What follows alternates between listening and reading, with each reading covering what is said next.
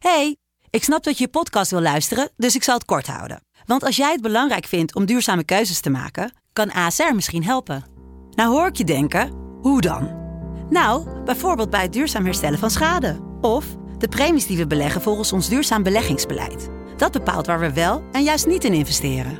Wil je meer weten over welke duurzame keuzes ASR maakt? Ga dan naar asr.nl slash duurzame keuzes. ASR doet het. Zo, dan kan je nu lekker naar je podcast luisteren. Het blok is terug. Vier koppels, vier bouwvallen, vier verbouwingen en dus een hele hoop stress. Het blok, iedere werkdag om half negen bij net vijf. De stroom.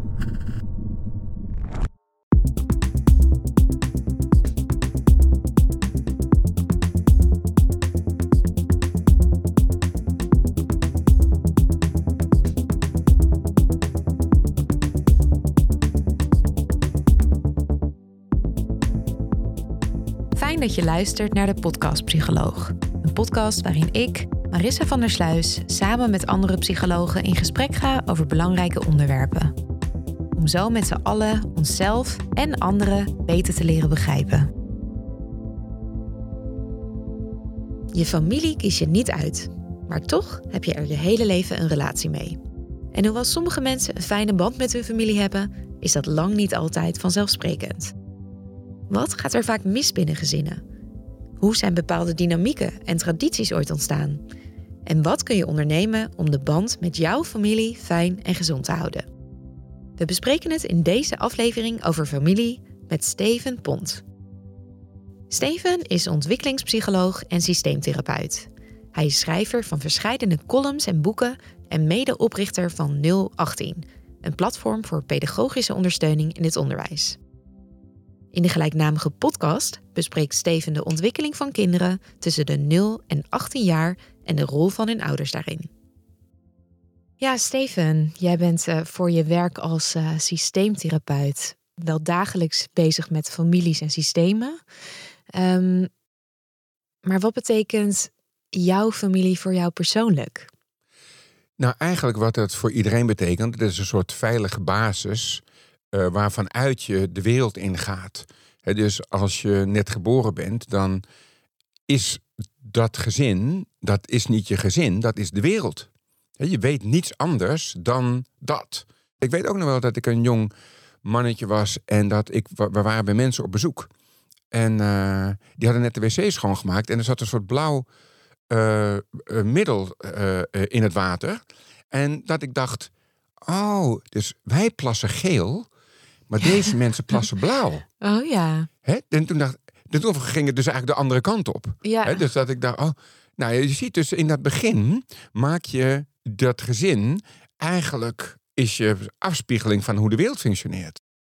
Nou, en daarmee natuurlijk een hele belangrijke basis voor je ontwikkeling. Eigenlijk een soort nest. Hè? Dus je komt uit in het nest. En daarna moet dat nest wel een soort veilige basis zijn om uh, je onbelast te kunnen ontwikkelen. Dus dat is niet een alleen een plek waar je voldoende te eten krijgt en waarin je voor, voor, wordt gezorgd dat je het niet koud hebt. En ook niet de plek waar je alleen maar wordt opgevoed. Hè? Dus dat je, nou ja, dat je de normen en waarden van de maatschappij een beetje overneemt. Maar misschien, en dat is denk ik misschien wel de belangrijkste functie, zeker in psychologische zin, is dat een belangrijk deel van je persoonsvorming in dat gezin plaatsvindt. Van wie of wat je bent. Uh, althans, de ideeën daarover die vinden allemaal in dat gezin van herkomst uh, plaats. Ja, ja. En je noemde net al even hoe belangrijk het familiesysteem is um, ja. voor ons. Op welke manier is, hè, behalve het creëren van zo'n veilig, veilig nest, waarvanuit je kan uitvliegen, familie nog meer belangrijk voor ons welzijn? Nou, het, het, uh, het nest is ook een plek, hè, dus niet alleen de plek waar je uitvliegt, maar die tijd tot je uitvliegt is natuurlijk ook heel bepalend voor je vorming.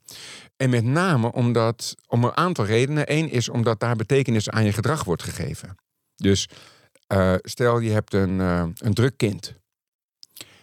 En dat die drukte van dat kind heeft nog geen betekenis.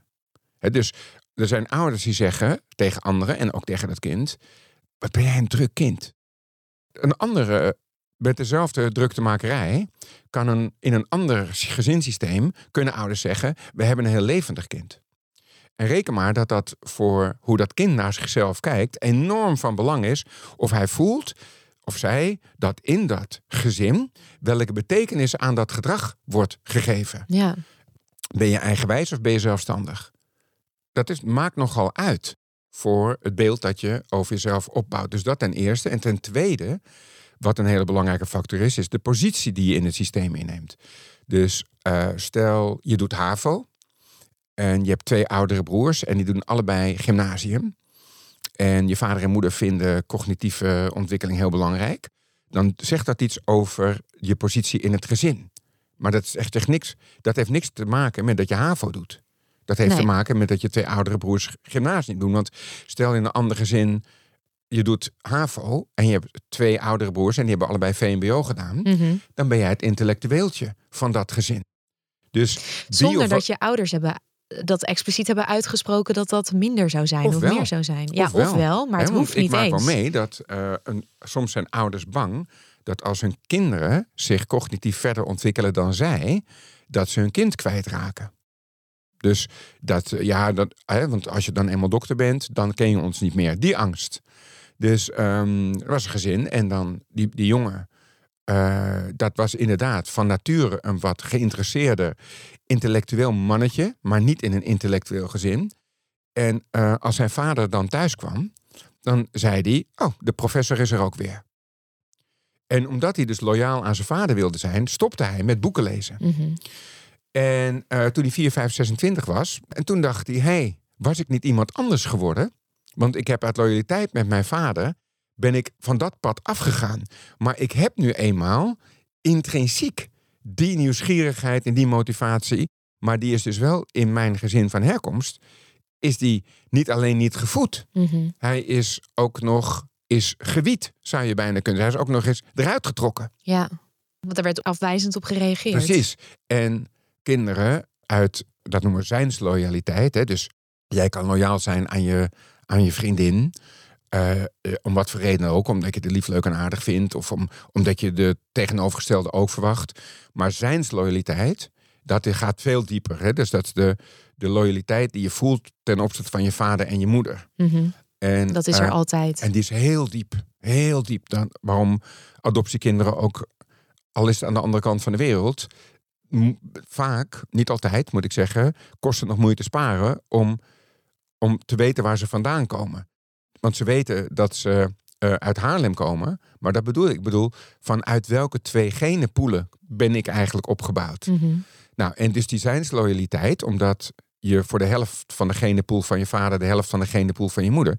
Dus ze zijn allebei de helft van jou. Dus er is een enorme loyaliteit. Ook de reden waarom eh, seksueel misbruik zo vaak onder de oppervlakte blijft, omdat die zijnsloyaliteit van dochters en zonen is onmetelijk. Ja, dus als jij vraagt hè, van wat is dan de invloed van een gezin, dan, dan is dat een van de enorme grote invloeden. Eh, en jij mag eventueel wel op je vader of moeder mopperen. Maar als anderen dat doen, dan niet meer. hoe bedoel je? Nou, ik mag wel zeggen, ja, mijn vader is eigenlijk een sukkel. Ja. Ja? Oh, zo, Als een ja. vriend van mij zegt, ja, maar jouw vader is ook een beetje een sukkel. Dan zeg ik, nee, luister vriend, dat mag ik zeggen, Ja, maar jij niet. nee, want dan Ik gaat alles in jou in sukkel. Dan opstand. alles. Dus dan voel je weer hoe sterk eh, die loyaliteit is. Omdat je ouders een deel van jou zijn, toch? Hoe erg je dat ook probeert te ontkennen, Ja. dat zit er echt ingebakken. Dat is de biologische component. Dus je hebt natuurlijk de biologische component, je hebt de, psychosocia- de psychische component en de sociale component. En die biologische component is inderdaad ontegenzeggelijk 50-50, 50 van de een, 50 van de ander. Ja, ik ben uit jullie steentjes opgebouwd. Dus als ik dit gebouw wil snappen, dan is het misschien helderder voor mij als ik die andere twee gebouwtjes ook in de buurt heb en ook af en toe naar kan kijken. Nog even los van dat het grotere systeem dat ook nog wel eens wil duiden op die manier. Van je bent net je vader, oh je lacht net als je moeder. Mhm. Eh, Dus al zou je dat zelf niet willen, dan, Dan nog. zullen anderen uit je omgeving Ja, je daar weer ja, mee confronteren en dat eh, kader op je gooien. Ja.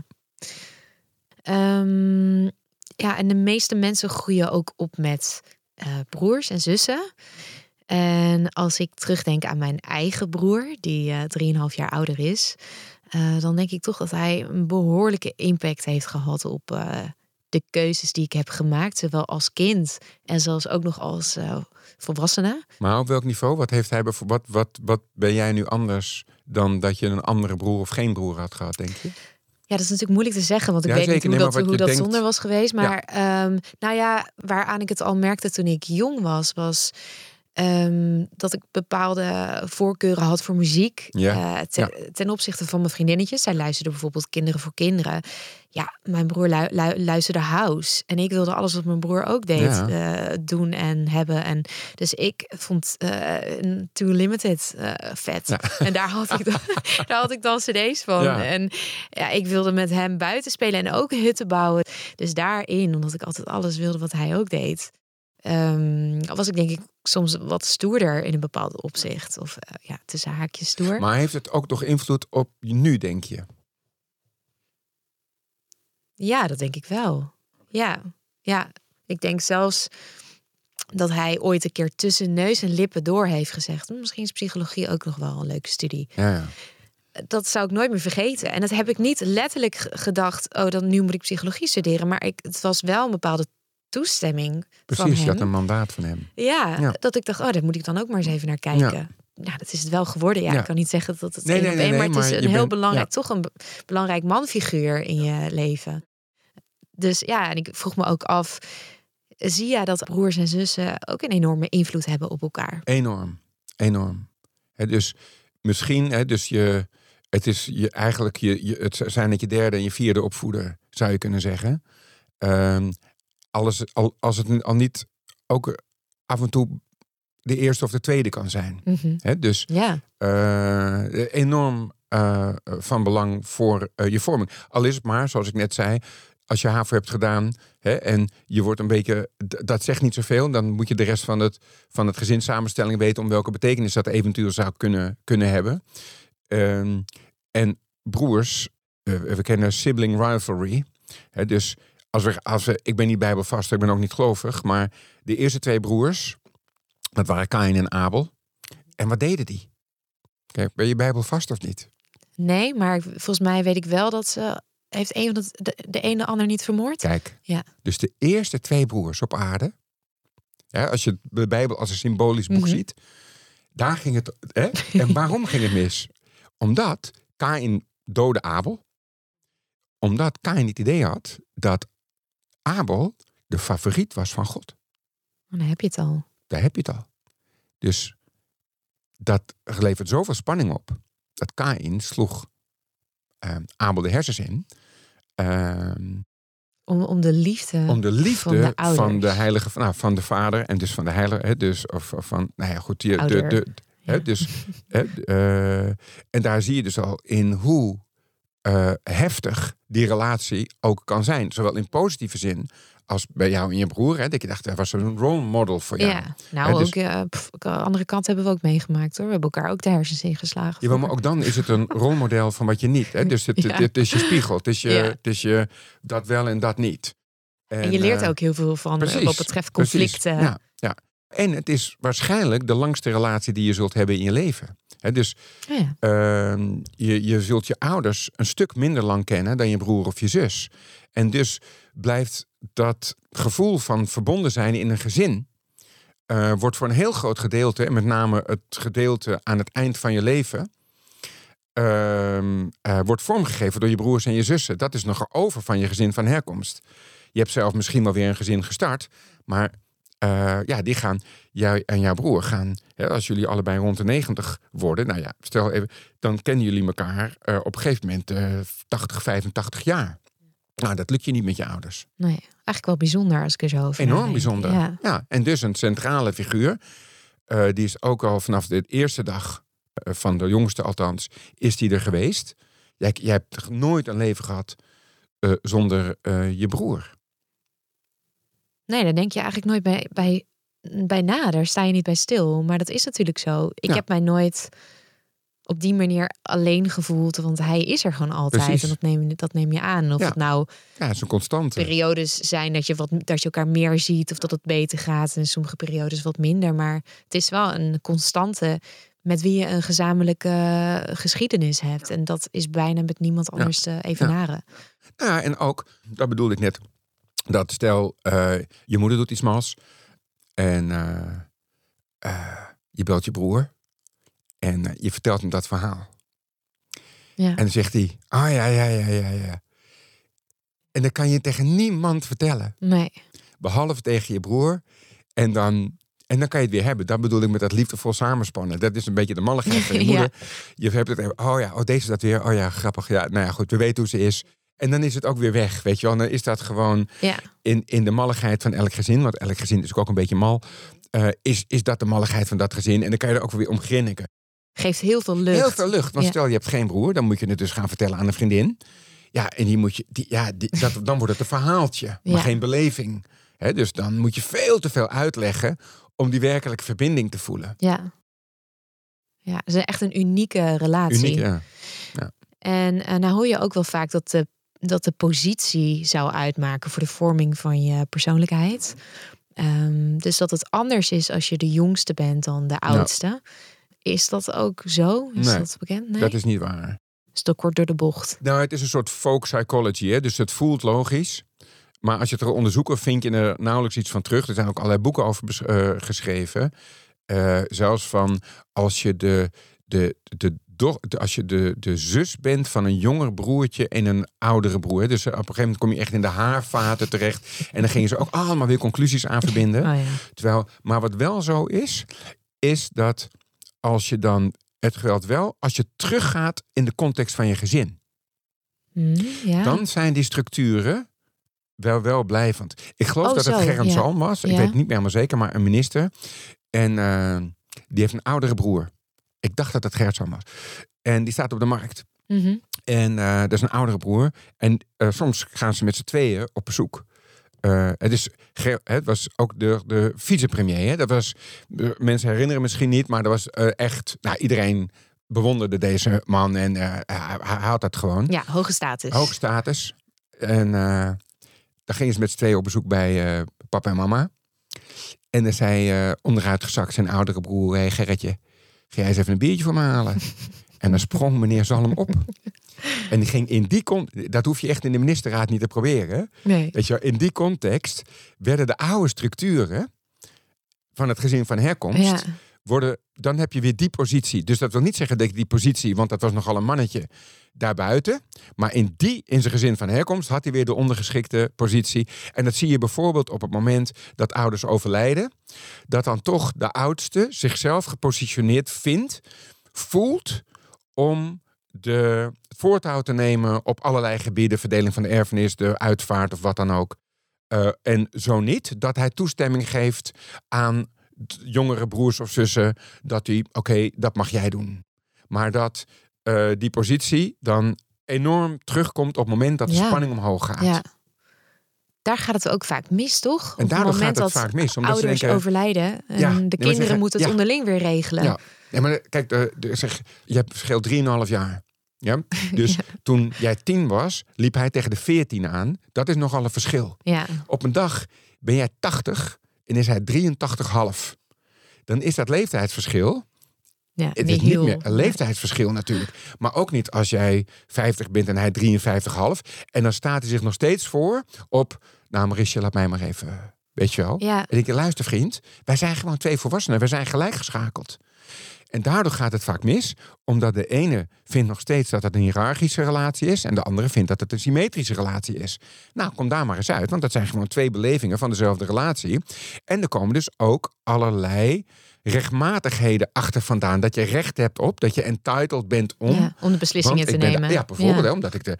Of dat jij vindt dat hij voor jou moet zorgen, want hij is toch je oudere broer. Het gaat ja, natuurlijk precies. beide ja, kanten dat op. wou ik net zeggen. Want ik kan me ook wel voorstellen dat ik zelfs als ik 53 ben, nog steeds ergens het gevoel heb dat, ja, dat ik naar hem Ja. moet luisteren. Of Ja, kijk, en tegelijkertijd ook die rebellie voel, voel Ja. weer van vroeger dat ik dat niet wil. En ja, best verwarrend ook. Dat, dat je automatisch toch weer een beetje terugzakt in die oude patronen. En dat, even, we hebben het nu over broers en zussen natuurlijk, maar dat merk je ook wel als je het. eh, ik, ik, ik woon natuurlijk al heel lang hier in Amsterdam en eh, niet meer eh, bij mijn ouders thuis in hun huis. Maar dat je ook snel weer merkt dat je met z'n allen, als je bij elkaar bent als gezin, weer in diezelfde Precies, patronen valt. ja. Dat je vader weer gaat gedragen als je vader en weer opmerkingen gaat maken hoe lang ik mijn thee in mijn theezakje in mijn, in mijn glas moet houden. Heel lief bedoeld, maar Ja. dat je echt denkt, ja.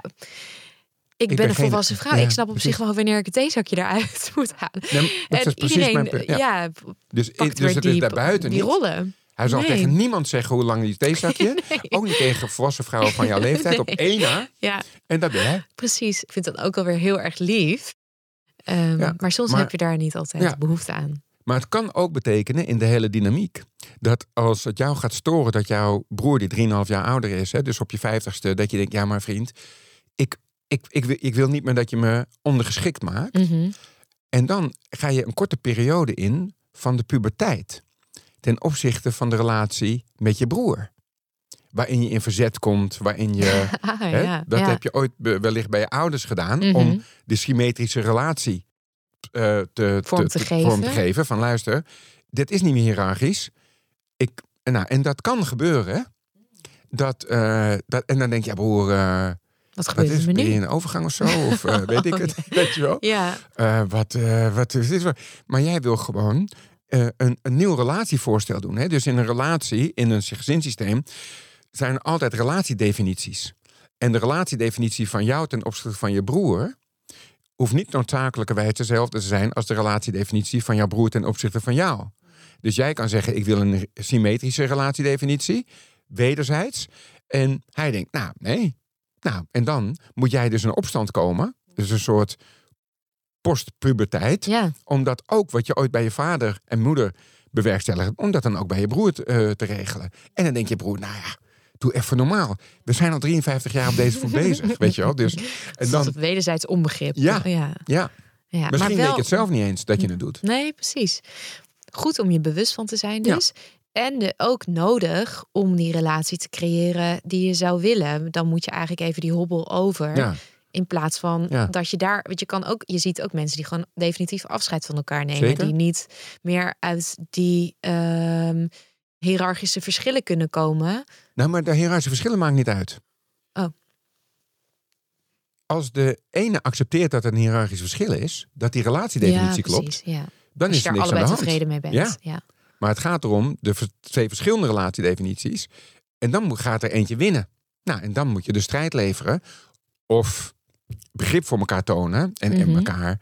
eh, maar kijk, Ger- Gerrit Sam vond het, sorry. zeg Gerrit Sam vond het blijkbaar goed zo. Ja, hij vond het ook wel grappig.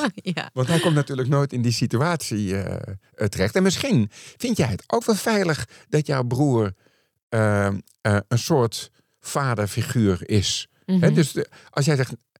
Dus dat je dat ook leuk vindt en dat hij jou nog steeds een beetje als een kleine zusje ja, ziet. het pad op zich vast. Ja. Ja. Ja. Nou ja, dus, maar het gaat natuurlijk mis. Als, als, als, als iedereen het met de relatiedefinitie eens is, is er niks aan de hand. Ja, ja. Wat als je enigskind bent en je hebt dit dus allemaal niet? Maakt dat uit voor je vorming? Ook daar eh, hebben we weer folk psychology. eh, dat iedereen denkt, ja, maar dan mis je toch. En dat mis je ook. Maar die zijn niet sociaal onvaardiger dan eh, kinderen met broers eh, en zussen. Nee, dat wordt natuurlijk Om- wel eens beweerd. Ja, precies. Maar daar is geen eh, hard bewijs voor. Mhm. Uh, veel belangrijker is het dat je met veel mensen omgaat. En ze kunnen het wel wat moeilijker krijgen later in het leven, omdat als ouders hulpbehoevend worden en het komt maar alleen op jou aan. en je kunt ook niet meer je broer even bellen om te zeggen, nou mama deed het weer, weet je wel. En, en in die verbinding voelen.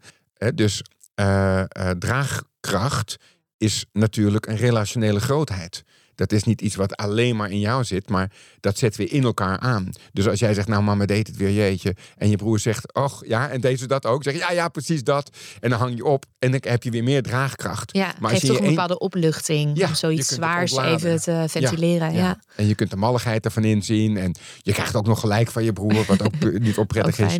Maar als je in je eentje bent, uh, dan wordt het wel een stukje ingewikkelder. Mhm. Ik zou het ook nog even willen hebben over uh, eerdere generaties. Kunnen opvoedstijlen of bepaalde leefregels uh, nog steeds invloed hebben op ons? Ja, nee, dat is zo. Het is gezinscultuur. Net zo goed, cultuur wordt doorgegeven. Het is ook een land. Dus uh, de Nederlandse cultuur bestaat, ehm, denk ik. Gevaarlijke uitspraak, maar laten we even aannemen voor de sake of argument dat die bestaat. En uh, die is ooit vormgegeven, uh, uh, misschien wel 100 of 150 jaar geleden. Al die mensen zijn dood. Maar de taal bijvoorbeeld bestaat nog steeds. Dus de cultuur overleeft de mensen binnen die cultuur. Nou, en, door overdracht door, via door families. Die, ja, ja, precies. precies. En het is, er is een man en die is een rollade aan het bakken. En hij snijdt de kapjes eraf. En die legt hij aan de zijkant. En zijn vrouw komt erbij staan en zegt: Waarom doe jij dat? Ja, zegt die man, ja, dat heb ik zo geleerd van mijn moeder. Dus ze gaan naar die moeder toe en zeggen van... Uh, mama, zegt hij, als wij een rollade bakken bij Van Dammetjes... dan snijden we de kapjes eraf en die leggen we aan de zijkant. Ik neem aan dat dat is omdat het dan sappiger of lekkerder wordt. Waarom doen wij dat eigenlijk? Want dat heb ik gewoon overgenomen. Ik weet eigenlijk niet waarom.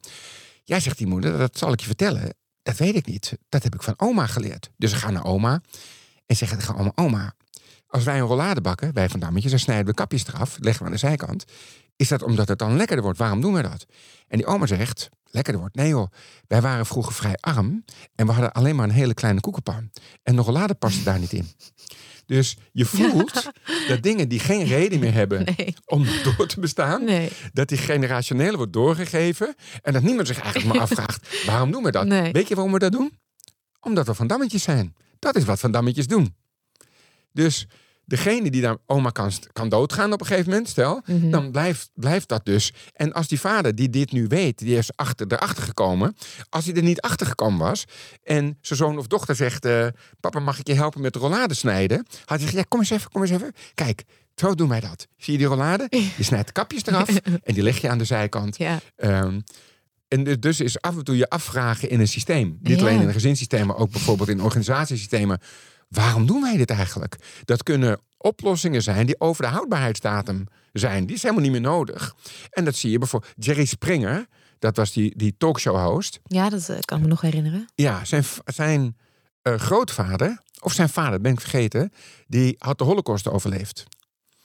En uh, die had altijd voor zijn huis een auto staan met een volle tank. Altijd. Niet met een 75 procent. Je, je hoort een volle tank te hebben, want je moet altijd weg kunnen. Wow. Je moet altijd weg kunnen. Dat is die overtuiging die, dat is, die overtuiging. en dat is ook intergenerationeel. Dus wij springertjes hebben voor ons huis een auto en die is altijd een volle tank. Ja, ja heel interessant, want dat is één uh, overtuiging of één traditie die zeg maar wordt doorgegeven. Of een trauma. Of een trauma, inderdaad. Zonder dat nog duidelijk is hoe dat zo is gegaan.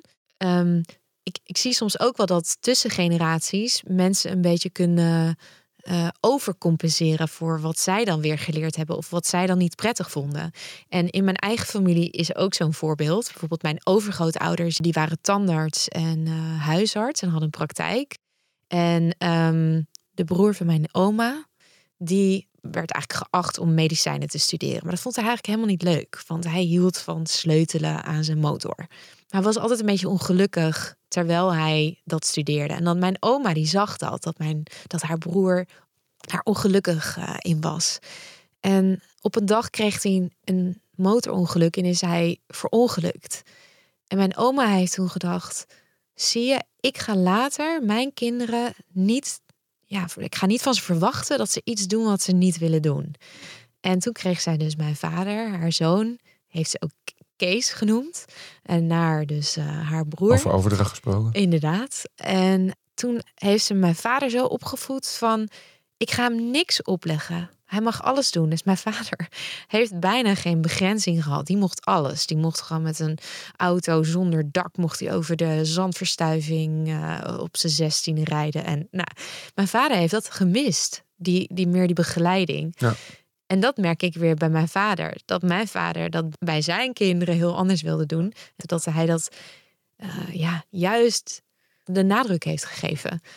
Ja, ja vind ik grappig hoe dat dan weer... Um... Juist. Dus sommige dingen slaan een generatie over. In elk geval leven de afgelopen generaties nog wel eh, in ons door. Ja, ja. En nou is het ook wel vaak zo dat we met onze vrienden of met onze collega's eh, best wel stabiele relaties kunnen hebben en weinig conflicten hebben. Maar dan komen we op een gegeven moment weer in onze familiestructuren en dan worden we heel snel getriggerd. Hoe, hoe is dat mogelijk dat familie zoveel bij ons oproept?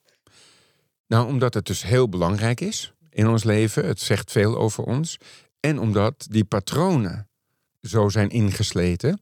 En hier geldt ook dat patronen van 30, 40 jaar geleden nog steeds nu, nu eh, in een hele andere context leven, of ni- niet als maatschappij, maar gewoon eh, in ons leven, ehm, dat die oude patronen, wat jij net zei, eh, ook zei, zodra ik weer thuis ben, wordt mij verteld hoe ik het theezakje eruit uit met, oh, oh, oh, nou, hoe lang ik het theezakje heb.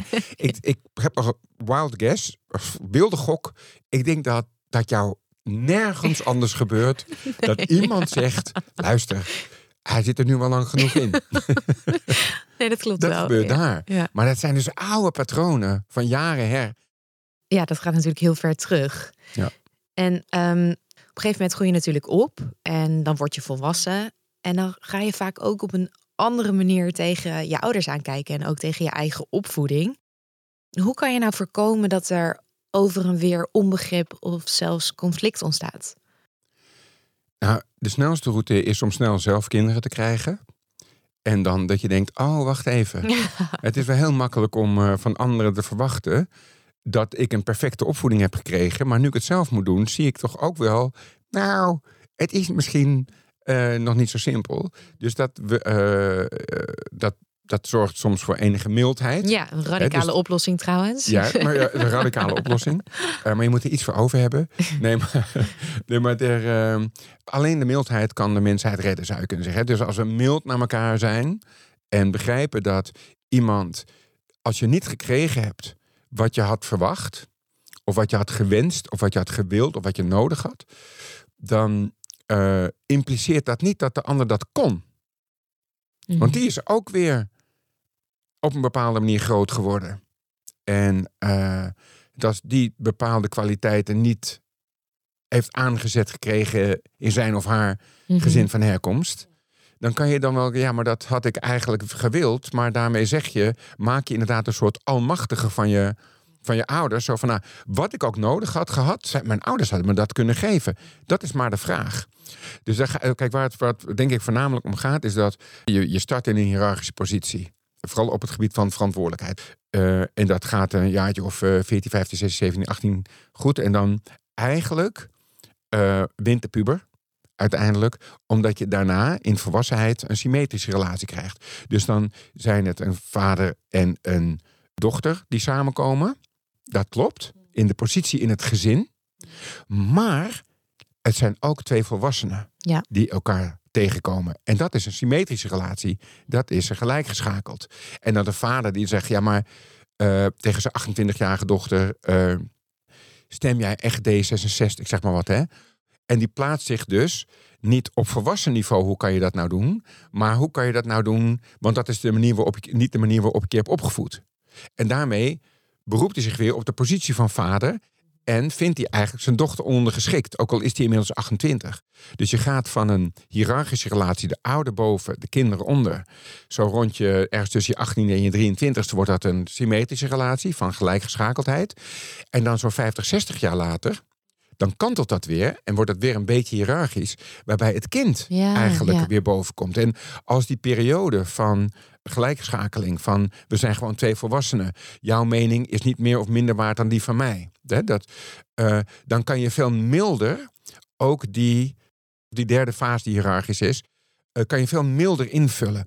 Terwijl als jouw vader tot zijn 85ste eh, jou eronder heeft gehouden van jij met mijn dochter, en dan op dat moment wordt hij afhankelijk van je. Dan ga je dus 85 jaar frustratie. Hè? Ja. Of nou niet 85, hè, min jouw eigen leeftijd dan. eh, denk je, oké, nou, nou ik. En dan ben je Ah, dus veel harder. Ja, en dan wordt het naar. En dan wordt, kan het naar worden, omdat je dan een rekening te vereffenen hebt. En denk je eh, zo van, oké, kijk pa, en nu, en nu ik. En de- ik heb nog maar vier jaar om, dit, eh, om deze balans te herstellen. Dus je krijgt hem van me. Terwijl als je dan eerst 40 jaar in, in gelijkgeschakeldheid hebt geleefd, dan kan je veel milder die laatste fase ingaan omdat de eerste fa hiërarchische fase op tijd is gestopt. Ja, ja, dus dat is wel heel belangrijk. Ja, heel belangrijk. Ook voor het welzijn van die oudere ouder. Dus als je goed voor jezelf wil zorgen als ouder, zorg ervoor dat je niet een heel leven lang in je, in je relatiedefinitie tot je eigen kinderen, dat de eerste daarvan is, maar ik ben je vader of ik ben je moeder. Ik ben, dit is een hiërarchische relatie. Daarmee doe je jezelf uiteindelijk geen plezier. Dat vereist dus iets van beide kanten. Dat je ouders dus niet helemaal zijn geweest zoals je had gehoopt, had verlangd, had gewenst. Dat je dat op een gegeven moment moet accepteren. Dat je kan zien, dit is geen onwil geweest. Ik kan niet over alle relaties spreken. Dus Soms gebeuren er vreselijke dingen. Uh, maar over het algemeen proberen ouders gewoon het, het beste te doen. Dus dat je als kind ook kan accepteren op een gegeven moment. Het is niet perfect gegaan, maar het was geen onwil. Het was ook onmacht of onkunde. Ze hebben hun best gedaan. En te, ze te zien voor wie ze zijn, dat, Ja. dat is ook eventjes, denk ik, een proces. Maar dat die ouders op een gegeven moment ook gaan accepteren. Mijn kind is volwassen geworden. En ehm, die ook de kinderen zien voor wie ze zijn. En de volwassen personen die ze zijn geworden. En de kinderen zijn misschien ook niet helemaal geworden zoals ze hadden gehoopt. En dat je die fase, die volgens mij best wel moeilijk is, dat je die allebei doormaakt en elkaar dan weer vindt. Precies. Het, een van de mooiste termen in de psychologie vind ik zelf, zonder het daarmee eh, eh, eh, andere dingen onder het tapijt te vegen, vind ik onschuldiging. Dus beschuldiging eh, is vrij makkelijk, maar onschuldiging, dat je denkt, waar jij het net over had, hè, van hé, hey, maar als ik het zie, het was geen kwestie van onwil, maar van onmacht. Eh, dus ik kan beschuldigen, maar ik kan ook onschuldigen. En als het je lukt om de ander te onschuldigen, dan bevrijd je daarmee de ander en ook jezelf. Kijk, als je de ander gevangen houdt in een relatie, dan is je eigen rol de cipier, zou je kunnen zeggen. Dus jij, jij, bent dus, jij moet die ander gevangen houden. Als je de ander bevrijdt als gevangene, dan bevrijd je jezelf uit de cipierrol. En de cipierrol, de cipier woont ook in de gevangenis. Hè? Dus met de gevangene bevrijden. En dat wil niet zeggen, dat moet je echt doorleven. Je kan niet zeggen, nou, oké, dan bevrijd ik helemaal Nee, van haar. maar hoe doe je Je- dat inderdaad? Nou ja, door het te doorleven, door met elkaar aan tafel te gaan, door, eh, eh, eh, door mild te zijn. En dan, als het je lukt om uiteindelijk de gevangenen te bevrijden, bevrijd je je dus zelf. Ja. En als je de gevangenen in de gevangenis houdt, dan zit je eigenlijk ook in diezelfde Ja, gevangenis. Moet je elke dag voor het hek gaan blijven Ja. staan? Maar dat wil niet dat hij ontsnapt. Nee. En dat betekent dus niet dat je alles maar klakkeloos hoeft te accepteren zonder er ooit een gesprek over te voeren. Maar jij zegt dus ook, je moet het doorleven, gesprek voeren. Of wat voor gesprek zou dat moeten zijn? Nou, dat, eh, dat gesprek bij mijn eigen kinderen als ze 2, 23 zijn. Het moet een gesprek zijn waarin dit soort dingen, dus dingen waar ze eh, andere ideeën over hadden, of hè, de, eh, dat dat in mildheid eh, wordt gevoerd, allebei de kanten op. Wat jij terecht zegt, van ja, kinderen kunnen hun ouders teleurstellen en ouders kunnen hun kinderen teleurstellen. En iedereen kan iedereen teleur, of ouders, hè, de vader kunnen moeders teleurstellen en, en, en nou, Ja. ieder- de buurman Ja, kan... het kan alle eh, kanten op. Dus, eh, maar mildheid en die onschuldiging, die liggen vrij dicht bij elkaar. Dat je denkt, ja, iemand met zo weinig kaarten in zijn hand kan niet alle kaarten spelen. Nou, dan, dan kan ik hem dat wel verwijten, of haar. Maar hoe reëel is dat eigenlijk? Kijk, je moet uiteindelijk bereid zijn om de weegschaal waar je andere mensen op legt, om daar zelf ook op te gaan liggen. Eh, hoe nauwkeurig je anderen meet, zo nauwkeurig moet je zelf ook toestaan dat je gemeten wordt. Nou, en als je dan denkt, ja, maar hou even. Hè, dus dan, daar, begint het al te schuiven. Want we zijn vaak beschuldigender ten opzichte van anderen. En als jij zegt, wat is er dan nodig? Dan is erkenning daarin een hele belangrijke. Zo van, ja, dat, dat kan ik me voorstellen. Dat dat, als jij dat zo ervaren hebt, dat dat, dat niet voldoende hebt gekregen... dan vind ik dat heel spijtig om te horen. Echt spijtig. Maar dat wil niet zeggen onmiddellijk dat... en dat moet je, moet je niet in dat gesprek zeggen, of noodzakelijkerwijs. Maar als iedereen begrijpt dat je hebt gedaan wat je kon... Ja. en dat het nooit perfect kan zijn. En ook dat die dingen die je gemist hebt, misschien wel eens dingen in je aangezet kunnen hebben, die uiteindelijk wel degelijk weer wat opgeleverd Ja, eh, eh, die hebben gemaakt, Ja. die je hebben gemaakt Ja. wie je bent ook. Ja, maar dat Ja. relatiesherstel zit dus in de. Kijk, als ik op jouw teen ga staan Mhm. en ik zeg: Oh, sorry, ik ging op je teen staan. Of ik ga op je teen staan en ik zeg niet: Oh, sorry, ik ging op je teen staan. Dan zou je kunnen zeggen: Wat maakt het uit voor de pijn? Maar het maakt alles uit. Ja, heel veel. Ja. En dat zegt niks, niks over wat er is gebeurd, maar over hoe, hoe, wat de reactie is op wat er is gebeurd. ja, maar dat is wel een cruciaal punt. Want dat heb ik ook vaak gehoord van cliënten van mij. Dat ze dat gesprek hadden. En dat ouders dan soms reageren, reageerden van... maar ik had ook dit en dat. Maar ik had ook dit en dat. Ja. En dat is ook weer begrijpelijk. Want je wil het uitleggen waarom je die keuzes hebt gemaakt. Maar is, eigenlijk slaan ouders dan een stap over. Ja. Die die erkenning erkenning. te geven van... ja, dat heb ik misschien niet handig aangepakt. Achteraf gezien had ik dat, eh, ja, had ik dat moeten doen. En het spijt me dat, dat jij dat gevoel zo hebt gehad. Ehm, dus dat is iets kleins wat je eigenlijk kan doen of kan geven Ja. om het beter te maken. Ja. Nou, kijk, in een. En, maar goed, dit zijn niet echt excuses. Maar in een excuus, in een zuiver excuus, eh, verklaar je jezelf niet. Dus bijvoorbeeld, ik ben heel naar tegen jou geweest. Eh, en ik zeg tegen jou, eh, ja, sorry, maar ik was heel moe. En nu verwacht ik, nu doe ik eigenlijk alweer een appel op jou, dat jij iets met mij moet. Van, ach, was ben je zo moe? Ach, liever toch. Begrijp je? Ja, je wil aaien over je bol. Ja, zo. Ja. Terwijl een zuiver excuus, daarin is het excuus zuiver alleen voor de ander. En, ehm, eh, en dat kan daarna eventueel, of twee of drie dagen. Maar als je daar te snel mee komt, dan, voelt, dan, dan is, dat een, is dat eigenlijk niet een, een, een excuus plus een excuus voor dat excuus. ja. En dat, dat, dat kan en dat doen we allemaal. Eh, maar het is eigenlijk niet, denk ik, zoals een excuus is de Nee. zuiverste vorm eh, bedoeld zou kunnen zijn. Het is niet zo effectief. Nee, van ja, ik heb je toen een klap gegeven, maar ik had een beetje te veel gedronken. Zo van ja, en nu moet ik weer dus. Dan moet ik het minder moet erg ik het vinden minder of zo. gaan vinden Ja. of zo. Jij Ja. besloot veel te. En nu moet ik. eh, eh, dus daarmee is het eigenlijk. legitimeer je het eigenlijk al in dat excuus. Ja, en dat is dan niet een werkelijk excuus. Nee, Zeg dat het kon eigenlijk niet anders. Maar goed, jij wil excuus. Nou, hier excuus. Maar ja, ik was nu eenmaal. Ja. Ja. Heb je nog meer tips voor zo'n gesprek? Nou ja, probeer het te begrijpen voordat je begrepen wil worden. Dus je zit heel vaak zit je in de zenderstand. Dat je denkt, ja, maar ik heb dit punt nog, op dit punt nog, op dit punt nog. Terwijl eh, als iemand je iets vertelt, om dan bijvoorbeeld een aantal sleutelwoorden die je in dat antwoord hoort op te slaan. Denken, hé, hey, daar zit iets meer achter waar ik wat aan zou kunnen hebben. Niet in de reden te vallen, niet een oordeel te hebben, maar om het uit te vragen. En als je volgende vraag gaat op het antwoord dat je net hebt gekregen, dan verdiep je in het gesprek. Dus je springt niet naar een ander onderwerp, maar je gaat het andere onderwerp uitdiepen. En als je dan sleutelwoorden van het antwoord gebruikt, dan weet je dat je on topic blijft, dat het, dat het daarover gaat. Ehm, en dat wil dus niet zeggen dat dan wil ik het weten, maar ik ga nog niet zenden. Want dat, hè, maar, ja, nu ga, hè, dat is, ja, maar weet je wat het ook. En, en toen is er dus dat gebeurd. Nu ga ik zenden. Ja. Terwijl ik zeg, oké, dus, dus die zomervakantie vond jij minder leuk. Die, dat was eigenlijk de zwaarste zomervakantie, hoor ik jou, zeggen. Ja, dat was de zwaarste zomervakantie.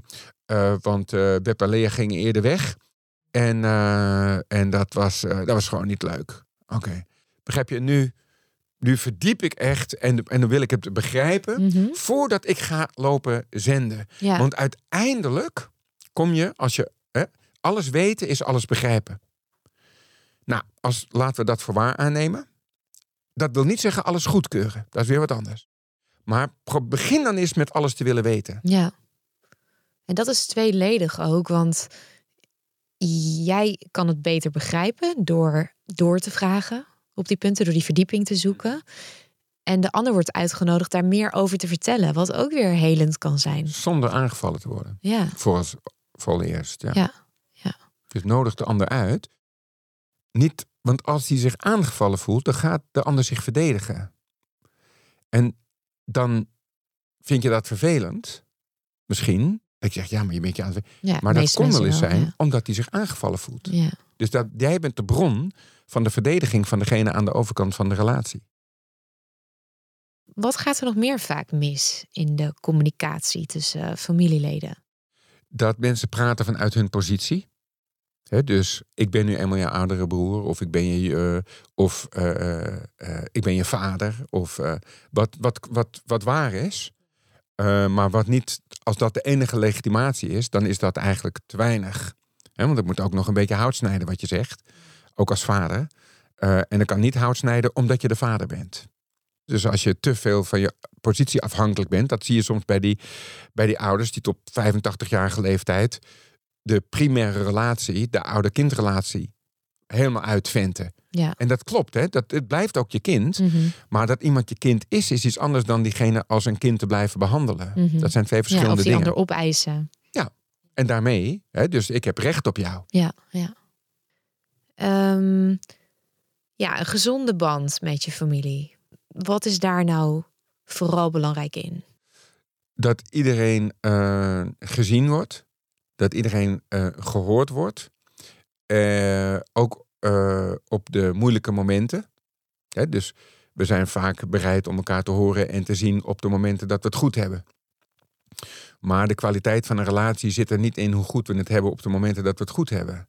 De kwaliteit van een relatie zit er wat mij betreft in, in hoe goed hebben we het nog op de momenten dat we het slecht hebben. Wat blijft er dan nog over van ons? De goede momenten, dat geloof ik altijd wel. Mhm. Ja, dan liep mijn hand in hand op het strand. Ja, dat heel, heel, heel fijn, heel fijn. Maar dat is niet wat de relatie definieert. De, de relatie wordt gedefinieerd door de slechte momenten, wat mij betreft. Ja. Wat, hoe hou je de dan drijf? Want wat heb je dan aan capaciteiten, aan mildheid, aan vaardigheden, aan interesse, in willen weten, in echt luisteren, om daaruit te komen? En niet alleen maar om te willen winnen. Het, het pleit te winnen van je partner of van je broer of wat dan ook. Want als dat gebeurt, hè, dus je gaat de discussie aan en je wint van je partner, dat is niet slim, dan maak je van je partner natuurlijk een loser. En die krijg je terug in de hele dynamiek van geven en nemen. Een van de belangrijkste dynamieken in systemen. Dus jij hebt dan iets genomen. Ja, Nou, en, en, en die maar de relatie worden- verliest. ja, die, die, die rekening gaat vereffend worden. ja. Kan twee dagen duren, kan vijf dagen duren. Ja. Maar er loopt een rekening mee. Het eerste boekje dat ik ooit schreef heet Alle Liefdes Economie. En dat ging helemaal over die balans van, eh, eh, van, eh, van geven en nemen. Is dat niet bewust, dan is het wel onbewust. Ja, dat het weer terug zeker, gaat komen. Zeker, Ja. maar die, die, die, dat bandje of die rekening, die loopt altijd mee. Dus het is juist zaak wanneer er moeilijke dingen gebeuren, om dan scherp te blijven dat je het belang van het systeem, dus de familie, Ja. ook voor je eigen ego, zeg Ja. maar, zet. Ja. Ehm, ja, en natuurlijk is geen enkele familie perfect. Nee. Maar wat zijn nou echt schadelijke dynamieken binnen een familie? Nou ja, de, de, de, de obvious natuurlijk, hè, dus geweld. Dat is niet voor niks, hè. Dat is ehm, omdat, kijk, kinderen internaliseren hun ervaringen in hun gezin van herkomst als horende bij henzelf.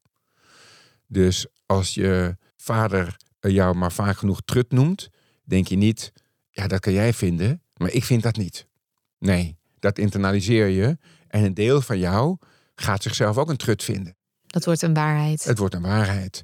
Dus verbale agressiviteit en laat staan seksuele, eh, lichamelijke, al dat, al dat grensoverschrijdende gedrag is niet omdat het op dat moment alleen schadelijk is, want dan nou denk je, nou ja, dat is echt niet goed, maar het, ja, dat is dat moment. Nee, het moment wordt meegenomen naar de toekomst.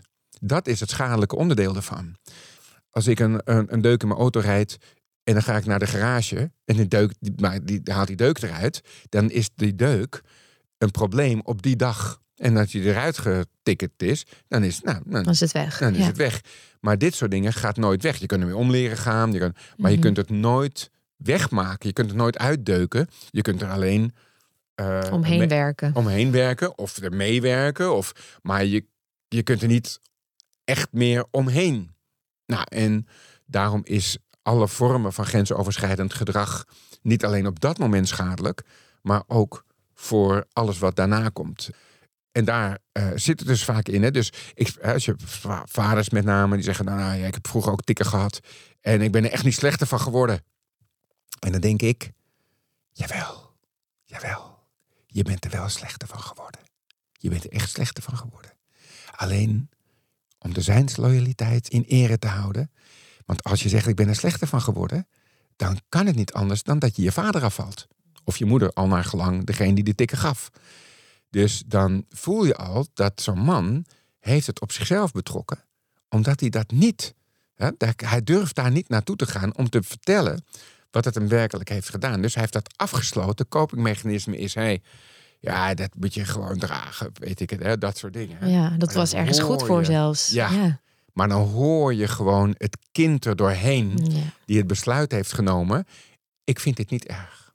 Want mijn vader houdt van me. En eh, dat is nog tot daar aan toe. Maar dat is ook zijn legitimatie Mhm. om zijn eigen kind weer tikken te geven. Want als hij zijn eigen kind geen tikken geeft. en opa is op bezoek. en dat kind misdraagt zich, stel even. en die ziet dat zijn eigen zoon geen tikken geeft. dan zegt hij: Wat ben jij voor slappe Janus? Waarom? Je moet, je, dat, jochie moet gewoon nu. Je moet hem een tik geven in de bed. Gewoon zoals ik het ook bij jou heb gedaan. En dan moet die vader zeggen: Ja, maar pa, ik geloof daar niet in. Nou, Dat dat zet, moet je. Daar, ja, dat zet en alles op dan? zijn kop. over dynamiek gesproken, Ja. dan denkt, dan krijgt hij dus alsnog. Nou ja, dus je voelt, zo makkelijk is het niet om eraan te ontsnappen. Nee, helemaal niet. En wat nou toch als er iemand nu aan het luisteren is en die zit in zo'n schadelijke familiedynamiek of Ja. is daar nu wat meer bewust van geworden? Wat zou je dan zeggen wat diegene het beste kan doen? Oké. Er, er zijn een aantal belangrijke vragen in het leven.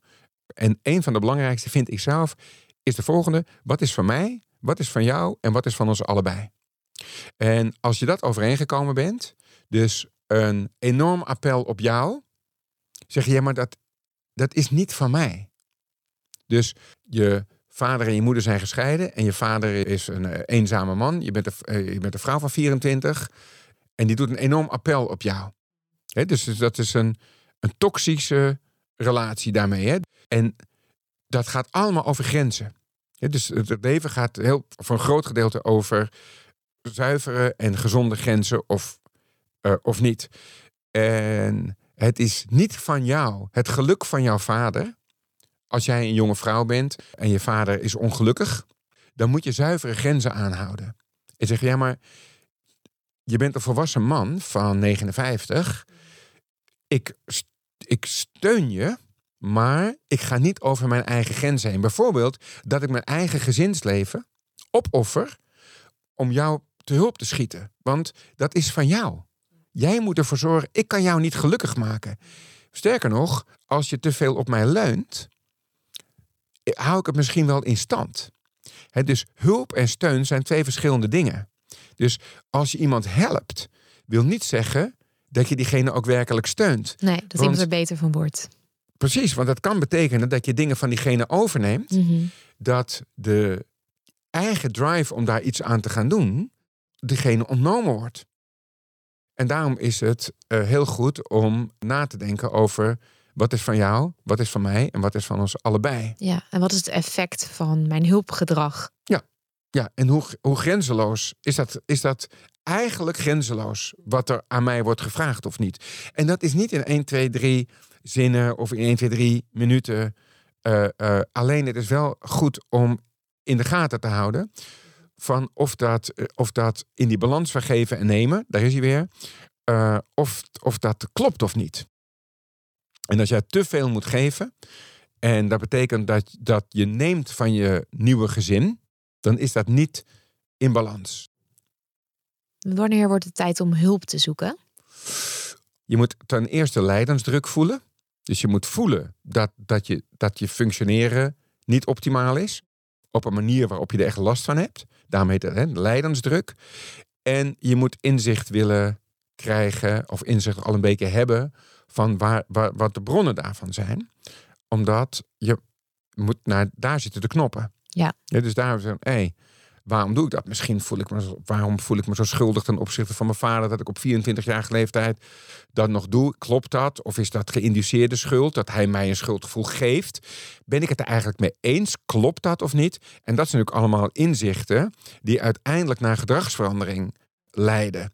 Dus het is vaak wel dat je het gedrag wel kunt, alleen dat er een appel op je wordt gedaan door anderen en daarmee op den duur ook op jezelf, dat je vindt dat je dat gedrag moet vertonen. Nou, en als je inzichten krijgt van ja, maar hoe zuiver is dat eigenlijk? Is dat wel van mij? Dus ben ik gedifferentieerd genoeg om zelf iemand te zijn en persoonlijke keuzes te mogen maken, waarvan de bron niet is de onvolwassenheid van de ander, die ik ga helpen. Eh, dus dat, dat, dat is nodig om, eh, om aan de slag te gaan. En veranderen gaat natuurlijk altijd van aan. Dus daarom moet je die lijdensdruk hebben. Ja. Omdat anders geef je het op. Denk je, ja, je moet het niet Het doen omdat moeilijk. andere mensen dat Nee. vinden. Je moet zelf voelen dat er iets te winnen valt.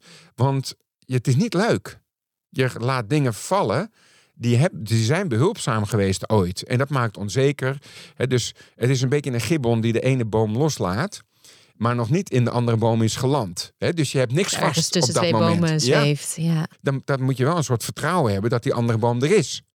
Nou, en, eh, en dat jij daarin landt. En dat, dat daar je toekomstige winst ligt. Nou, en daarom moet het van jou zijn. De grenzen moeten van jou zijn dat jij vindt dat er iets moet veranderen.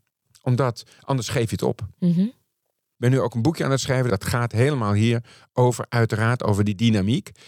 En eh, dat is niet alleen maar uit eh, van, nou, dan weet ik hoe het werkt. Maar ook van, oké, hoe kan ik het dan helen? Hè, Ja. Dus eh, omdat het juist zo'n belangrijke factor is. En nu is het cirkeltje mooi rond natuurlijk ook. Want dat is het, waar eigenlijk waar alles begint. Maar waar ook heel veel dingen eindigen. Waarin heel veel dingen hun oorsprong vinden, maar ook hun einde vinden. Is in dat nest waar we met z'n allen ooit uit een ei gekropen zijn. De veiligheid daar hebben opgedaan. Mhm. En de manier waarop we vliegen heeft te maken met hoe veilig dat nest was. Steven, dankjewel. Ik heb het heel graag gedaan. Wil jij weten hoe door generaties doorgegeven trauma je nog steeds kan beïnvloeden in je dagelijks leven? Luister dan gratis de exclusieve aflevering over intergenerationeel trauma op de podcastpsycholoogclub.nl.